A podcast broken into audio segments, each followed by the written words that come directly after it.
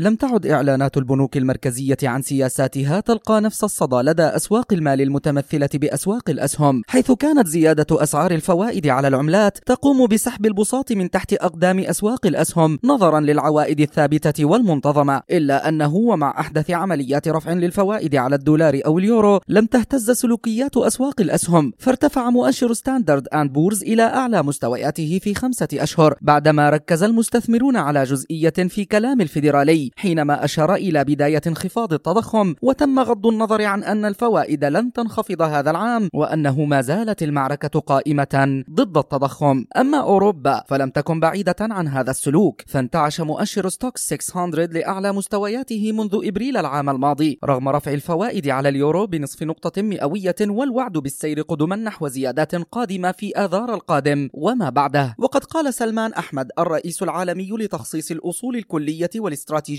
في شركة فيدلتي انترناشونال إن الأسواق وكأنها تقول للبنوك المركزية تحدثي بما شئت ونحن سنقوم بما نريد. وهنا فقد وجب التحذير لأربعة أمور خلال هذا السلوك المتجاهل. فالفوائد الآن تقف عند أعلى مستوياتها في أمريكا وأوروبا صاحبتا العملات الأكثر تداولا. أما التحذير الثاني فإن هذه الفوائد هي النسب الأساسية التي ستضيف البنوك هوامش إضافية لها لتحقيق الربحية. أما التحذير الثالث فيكمن في أن هذه الفوائد ستفرض على قروض استثمارية وتمويلية لمختلف الشركات. وهنا يأتي التحذير الرابع والأخير والمتمثل بأن الشركات التي ستزيد تكاليف قروضها ستقوم إما بتخفيض ربحيتها والتأثير سلبا على أسواق الأسهم أو أنها ستقوم بترحيل تكاليفها إلى المواطن عن طريق رفع أسعار منتجاتها أو خدماتها. وحتى يتم استيعاب هذه التحذيرات بشكل كامل فإنه يبدو وأن العملات سيتم تجاهلها. لصالح أسواق الأسهم. مجد النوري